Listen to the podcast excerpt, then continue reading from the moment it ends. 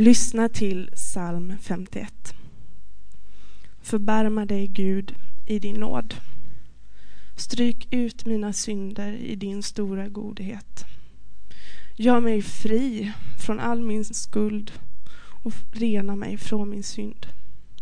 Jag vet vad jag har brutit, min synd står alltid inför mig. Mot dig, bara mot dig, har jag syndat. Jag har gjort det som är ont i dina ögon. Du har rätt när du ställer mig till svars. Den dom du fäller är rättvis. I skuld är jag född, i synd blev jag till i min moders liv. Du som älskar ett uppriktigt hjärta, ge mig vishet i mitt innersta. Rena mig med isop från min synd, tvätta mig vit som snö. Låt mig få höra glädjerop och lovsång. Låt den du har krossat få jubla.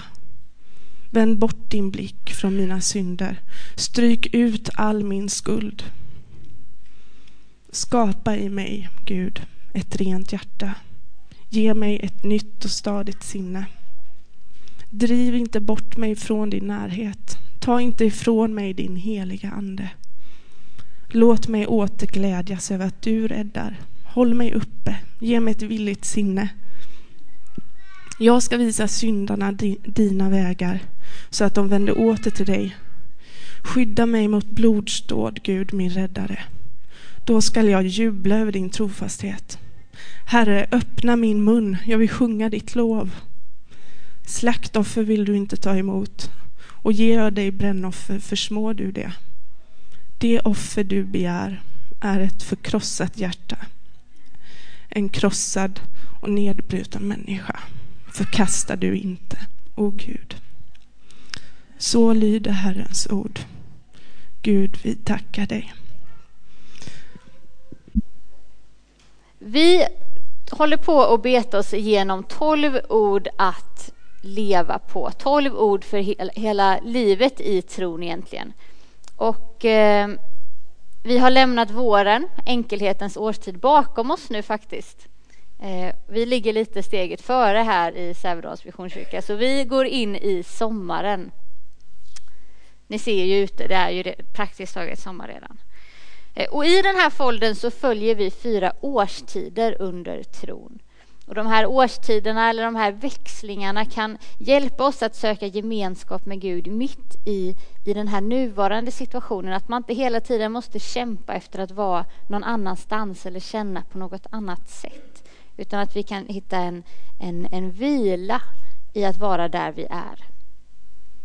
Och trons andra årstid då, sommaren, det innebär en komplex tro.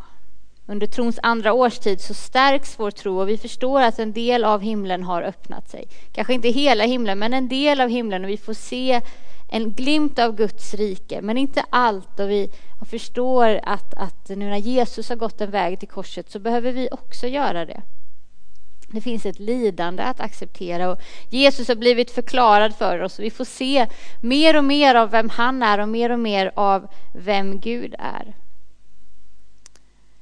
Och vi upplever att eh, behovet av att förstå en mer förstå mer och mer växer fram. Vi ser att ju mer frågor vi får svar på, desto mer frågor väcks lite grann. Det finns hela tiden mer av Gud att få.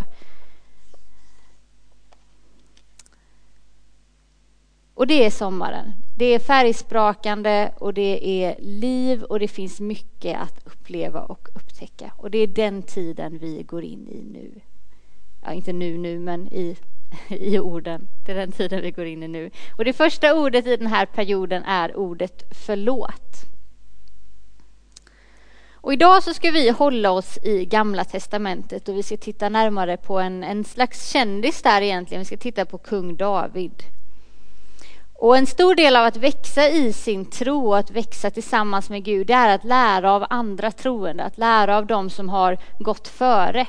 Och när jag var tonåring så sa min ungdomspastor till mig att jag skulle hitta några personer att ta rygg på, som det heter. Några personer som hade kommit längre än mig eller som hade på något sätt varit troende längre eller gjort saker som jag kunde eftersträva och, och lära av. Och David kan få vara en sån person för alla oss.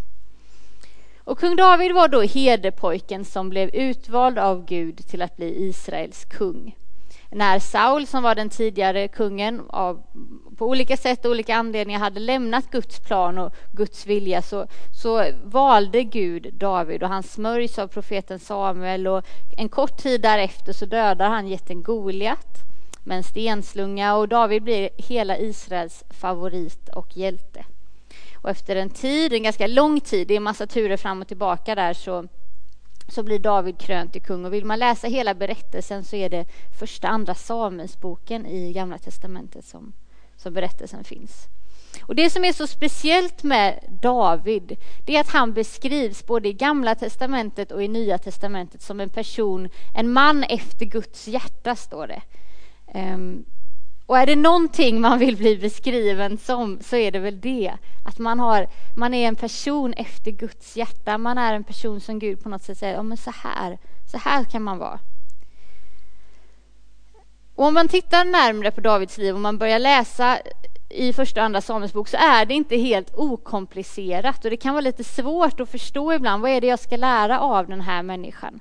Det står i Bibeln att när David ville bygga Guds tempel, när han sa att ja, men jag vill bygga ett hus till dig här i Jerusalem, så sa Gud att nej, men du får inte det. Du har för mycket blod på dina händer. För David var en krigarkung. Det står om att han dödade tiotusentals människor i striden. Och det kanske är lite svårt att tänka, varför ska, vad ska vi lära av honom? Varför är han en person efter Guds hjärta? Men vi, vi kommer nog komma till det. Och det ögonblick vi ska titta på nu, den berättelse som vi ska titta på nu, det är inte Davids främsta ögonblick. Det är inte det han har gjort bäst. Men vi ska ändå eh, se vad vi kan lära oss av den här situationen. Och vi hittar berättelsen i Andra Samuelsboken 11. Och det, det börjar berättas att det är vid årsskiftet och det är vid den tid då alla kungar drar ut i fält. Och då skickar David sin armé ehm, med, med deras eh, här, härförare Joab och hans män och hela Israel och de belägrar ett ställe som heter Rabba. Och så står det i texten, men David stannade själv kvar i Jerusalem. Och hade det här varit en film så hade det varit någon sån här passande du, du, du, du här. För David åkte alltid med sina män ut i strid, men nu stannar han hemma och då förstår man när man läser, eller man är tänkt att förstå, hade ljudeffekten varit hade man förstått att nu är det någonting som inte är riktigt som det ska.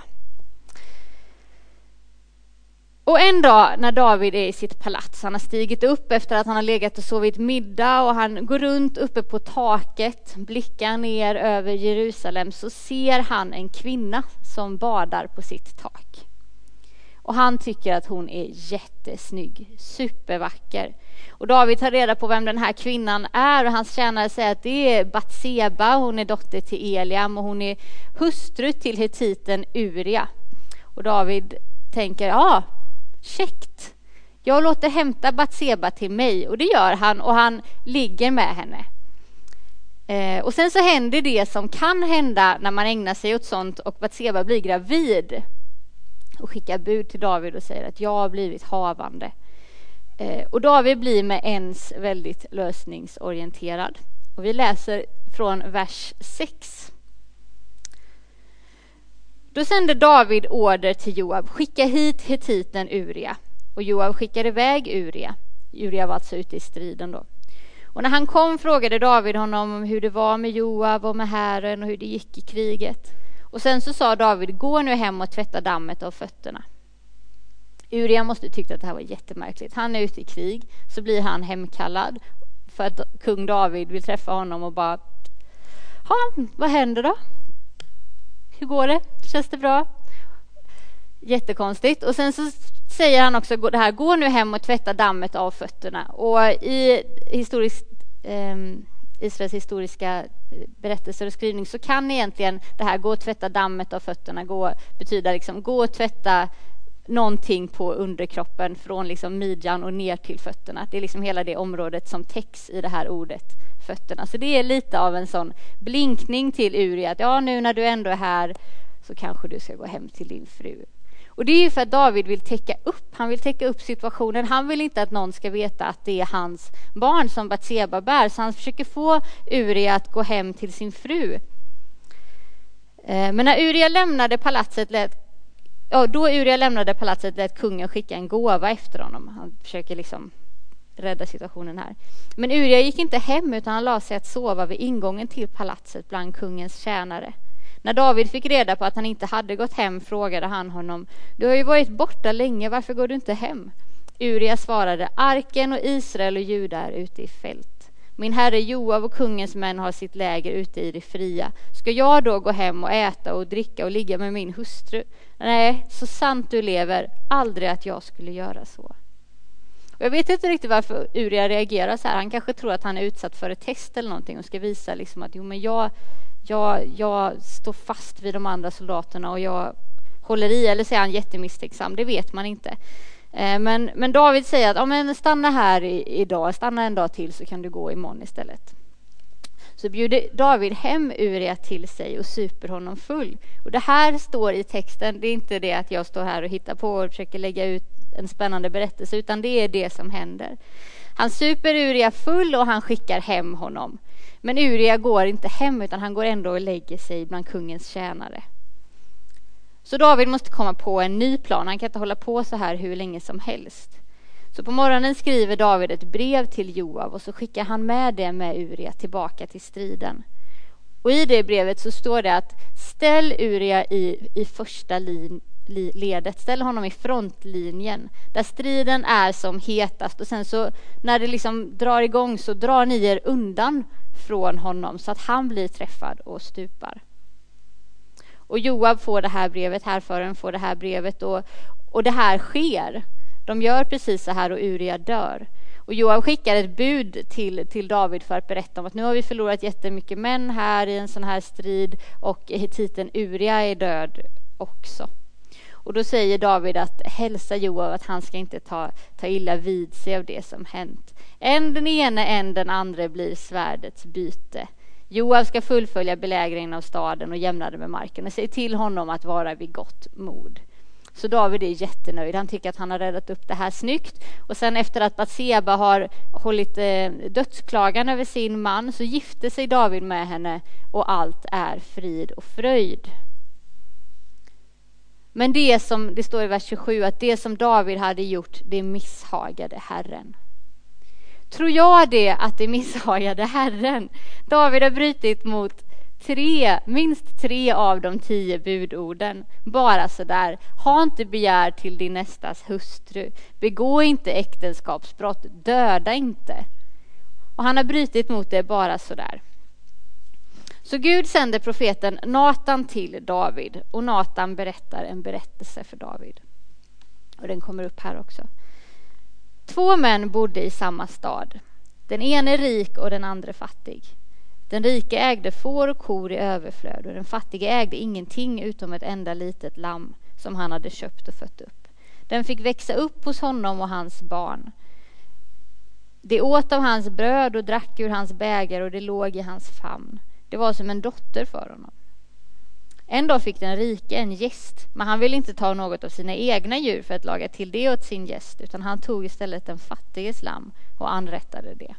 Och Natan berättar den här berättelsen för David som blir helt vansinnig. Och bara den här mannen han förtjänar att dödas för det han har gjort. Han ska få dödsstraff, han har varit så obarmhärtig, han har gjort något så fruktansvärt. Han ska betala tillbaka fåren och lammen sju gånger om och han ska dö för det här. Och så säger Natan till David att du är den mannen. Och det här är ju som hämtat ur Våra bästa år eller Dallas eller någonting. Det är så dramatiskt så det finns inte. Och man kan läsa den här berättelsen och man hör om David och man tänker, men hur kan det här vara en man efter Guds hjärta? Varför ska jag ta rygg på den här människan? Vad är det jag kan lära av David? Och jag tror att svaret ligger i Davids respons. När Nathan säger att du är den här mannen, då säger inte David ja, jo, nej, men jag förstår att det kanske var fel och jag är ledsen för det, men Batseba badade på taket, vad skulle jag göra? David säger inte heller förlåt eh, om du känner dig arg, Gud. Förlåt om jag har gjort något fel. Förlåt ifall det här kanske inte blev så jättebra, men nu har jag ändå räddat upp situationen. Och David kommer inte med massa ursäkter, utan David säger jag har syndat mot Herren. David är medveten om vad han har gjort. Han är medveten om att han har gjort fel och han tar ansvar för det. Jag har syndat mot Herren. Punkt. Inga ursäkter, inga bortförklaringar, utan jag har gjort det här.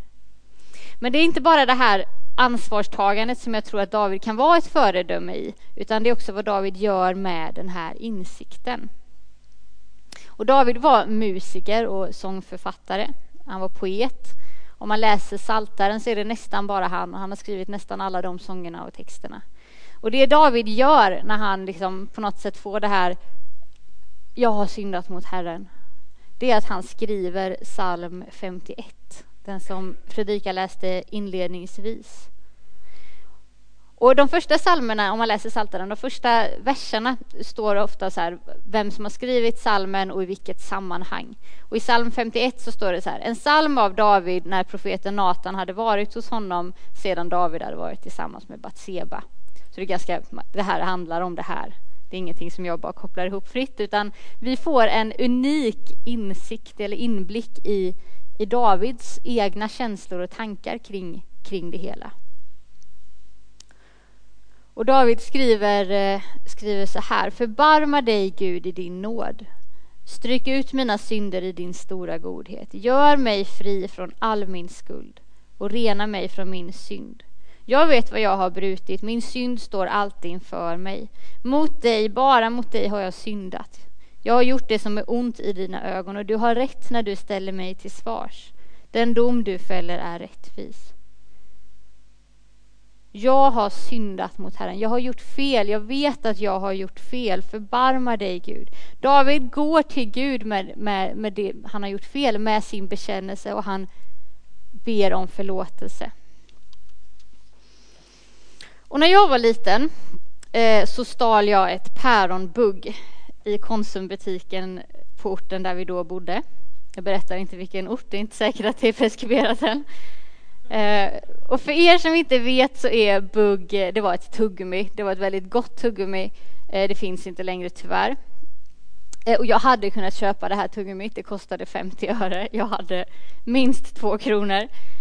Men eh, jag ville väl testa eller någonting, jättedålig anledning. Men jag ville väl prova och se om, om jag kunde, för mina kompisar hade börjat snatta halsband på glitter och jag tänkte att det här är inte lika farligt. Eh, dålig anledning.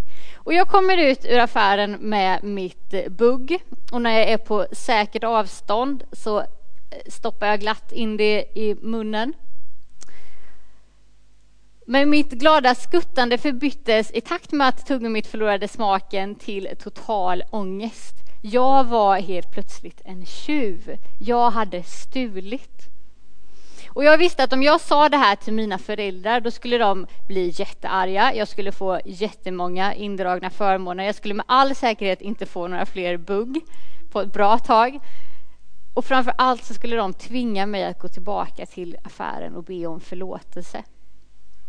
Och det kände jag att det, jag, jag klarar inte av att göra en sån sak. Jag måste, jag måste rädda upp det här på något annat sätt. Så jag går tillbaka till affären, köper två nya bugg eh, går ut, låtsas som att oj, jag har glömt någonting, vilket är konstigt för jag köpte två bugg och jag är åtta, nio år. Det är liksom inte så här, oh, vad har du glömt att köpa? Tidningen. Eh, så ja, i alla fall, jag köper de här buggen, eh, går ut ur affären, tänker så här, nu har jag glömt någonting, går in igen och lägger tillbaka dem. Tänkte så här, nu betalar jag igen dubbelt. Jag tog ett bugg, nu har jag köpt två som jag lägger här. Så nu har jag räddat upp situationen. Och så gick jag hem, la mig i min säng och eh, hade lite ångest. Spelade oberörd. Men saken var ju den att ingen visste ju vad jag hade gjort. Den här klumpen låg ju fortfarande i min mage, stenen låg ju fortfarande i min mage. Jag hade ju förstört päronbugg för mig själv för all framtid. Och även om ingen hade upptäckt mig och även om man då vid någon inventering på Konsum inte skulle sakna just mitt tuggummi utan kanske ha den här frågan varför de hade ett extra eh, så förändrade inte det vad jag hade gjort. Jag var ju fortfarande en tjuv även om ingen visste. Även om ingen någonsin skulle kunna komma på så var jag ju fortfarande en tjuv. Och ska jag vara helt ärlig så vet jag faktiskt inte när jag väl har vågat berätta det här för en annan människa. Jag försökte komma på om jag gjort det någon gång innan när jag satt och skrev. Om inte annat så är ju det här då min stora bekännelse så får jag hoppas att mamma inte lyssnar på inspelningen. eh, och också när jag satt och skrev så kände jag lite hur den här paniken kom och jag blev lite kallsvettig och jag på något sätt kände att jag har inte jag har inte, det här har jag liksom inte avklarat, det här var jättedumt. Och Bibeln lär oss att när vi gör någonting fel, när vi gör någonting fel så kallar man det för synd i Bibeln. Att, att, att synda, att göra något som inte är Guds vilja. Och när vi gör det, då ska det ut i ljuset. Då handlar det inte om att vi på alla sätt ska försöka rädda upp situationen så att ingen förstår vad som har hänt, så som David försökte göra. Och det är vår instinkt på något sätt. Det är min instinkt att såg någon det här, nej, bra, då pratar vi aldrig om det igen. Och sen så växer det istället i min mage. Och vi har säkert alla saker vi tänker på att varför gjorde jag det här? Det var så fruktansvärt dumt och det kan vara mer eller mindre på något sätt allvarliga saker men det är ändå fel. Och saken är den, och det är säkert många av oss som har den upplevelsen också, att när vi väl får erkänna för någon vad vi har gjort fel så är det en sån enorm lättnad. När vi väl får bekänna att det här gjorde jag, förlåt, så är det som en sten som släpper. Och så är det när det gäller livet i tro och relation med Gud också. Och då är det livsnödvändigt. Vår relation till Gud funkar inte. Den växer inte, den utvecklas inte om inte vi är ärliga inför honom med det vi har gjort. Om inte vi kommer till honom och bekänner det vi har gjort. Att gå till Gud med det som blev fel, med det som blev halvt, med det som blev misslyckat och ofärdigt. Det är startpunkten i vår relation med Gud. Och det innebär inte att Gud inte kommer älska dig lika mycket eller att Gud inte kommer älska dig längre. I Romarbrevet så står det att ingenting kan skilja oss från Kristi kärlek. Ingenting vi gör eller ingenting vi har gjort kan få Gud att älska oss mindre. Ingenting vi har gjort kan få honom att älska oss mer heller, utan han, hans kärlek är konstant. Och lyssna här, Gud blir säkert inte ens överraskad när du kommer med det som som blev fel. Han blir inte ens förvånad för han känner dig. Han vet redan vad du har gjort. Han vill bara att du ska sluta försöka gömma det för honom eller sluta försöka ha en polerad fasad utan att du bara ska komma ut i ljuset med det du har gjort fel. Så att han kan få ge dig sin förlåtelse, så att han kan få lyfta bort det här, ta bort den här stenen ur maggropen på dig. Och man kan fortfarande känna att det var dumt gjort. Ibland kan man fortfarande få en liten panikkänsla av att varför gjorde jag det där? Men man vet att man är förlåten, att man är fri från skuld. För Gud har förlåtit en. Och att bekänna sina synder, och som man pratar om i kyrkan, och att komma inför Gud med det som har blivit fel. Det handlar inte om att gräva ner sig i en känsla av att man är syndig och att man är dålig. Och det gör inte David heller. Han säger inte, åh Gud, jag är helt värdelös. Jag duger inte till någonting. Jag lägger mig här och dör istället. Utan David säger att jag har gjort det här. Jag har syndat mot Herren. Förlåt mig. Och så säger han, vänd bort din blick från mina synder, stryk ut all min skuld, skapa i mig, Gud, ett rent hjärta. Ge mig ett nytt och ett stadigt sinne. Och i en annan översättning så står det ge mig en frimodig ande. Låt mig åter glädjas över att du räddar. Håll mig uppe. Ge mig ett villigt sinne. Förlåtelse leder till ljus, till liv och till glädje i våra liv. Förlåtelse leder till en djupare gemenskap med Gud och en ärlig gemenskap med Gud. Men det är så viktigt att veta och höra när man pratar om det här, om förlåtelse och bekänna synder och att komma inför Gud med det som blev fel, att Gud älskar dig, alldeles oavsett. Du är en ny skapelse i Kristus Jesus, står det i Bibeln.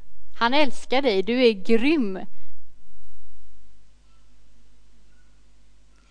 Men vi gör fel och vi behöver vara ärliga med Gud och med varandra med det som blev fel. Vi behöver be om förlåtelse. Och då inte säga förlåt, men jag tänkte bara att jag skulle, utan säga förlåt. Punkt. Förlåt, det här blev fel, det här var dumt. Och på något sätt där och då ta ansvar för det vi gjort. Inte försöka förklara bort, utan ta ansvar. Och det kan vara jättesmärtsamt och fruktansvärt jobbigt. Och man kan ha burit med sig saker hur länge som helst som gör ont och som inte bara är ett buggtuggummi utan som är någonting som är svårt att bekänna, svårt att komma inför Gud med. Men Gud älskar dig. Och när du kommer inför honom med det som du bär på, det som blev fel i ditt liv, så förlåter han dig. Min pappa brukar säga att eh, när du bekänner dina synder, när du kommer inför Gud med det som blir fel och dina synder och, och på något sätt lämnar det hos honom, så tar han dem och så kastar han dem i glömskans hav. Och så brukar pappa säga att, och vet du vad som står vid strandkanten? En skylt där det står fiske förbjuden. Gud håller dig inte till svars för saker efter att du har bett om förlåtelse. Han tar inte upp grejer och är långsint, utan Gud förlåter dig. Gud älskar dig, Gud vill ha en relation med dig. Han vill att du ska känna dig fri, att du ska kunna leva ett liv i ljuset och inte gå runt och gömma massa saker och bära på massa saker som du inte behöver. Utan han vill lyfta av det från dig.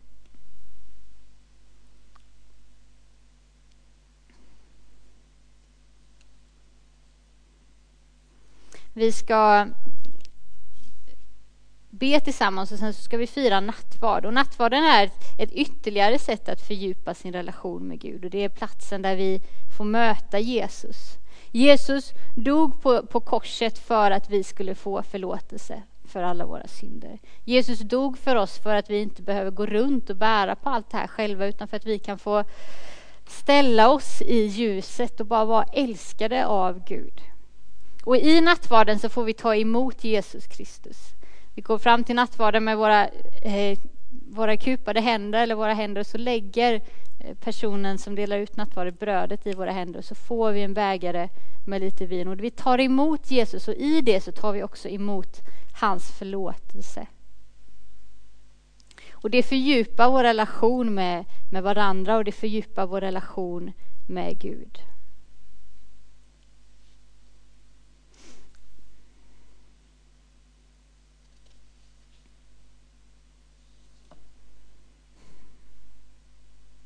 Vi gör så att vi, vi ber en bön eh, tillsammans. Ni får jättegärna vara med mig och be och så förbereder vi oss för nattvarden sen. Tack Herre för att du älskar oss. Tack för berättelser om personer som David som kan, vi kan få lära av Herre. Tack Herre för berättelser om personer som David som, som gjorde fel, Herre, som misslyckades. Att de berättelserna finns med i Bibeln för att vi ska förstå att det vi, vi är inte perfekta och du kräver inte det av oss utan du vill bara att vi ska vara ärliga med, med det som är våra liv. Och jag ber Herre om, eh, om att du ska vara nära oss med din kärlek Gud. Med din förlåtelse. Men också Herre med din sanning och med ditt ljus in i våra liv. Herre, jag tror att vi alla har saker som, som blir fel. Vi har, jag har så mycket som blir fel, Herre. Och jag ber Gud att du ska komma med ditt ljus och visa mig det så jag kan få lämna det till dig, Herre. Jag ber om, om mod och om kraft och om styrka över oss alla att få göra det. Att få göra det idag och få göra det om och om igen. Visa mer av vem du är, Jesus. Mer av den kärlek som som du har för oss. Att det är den vi möter när vi möter dig.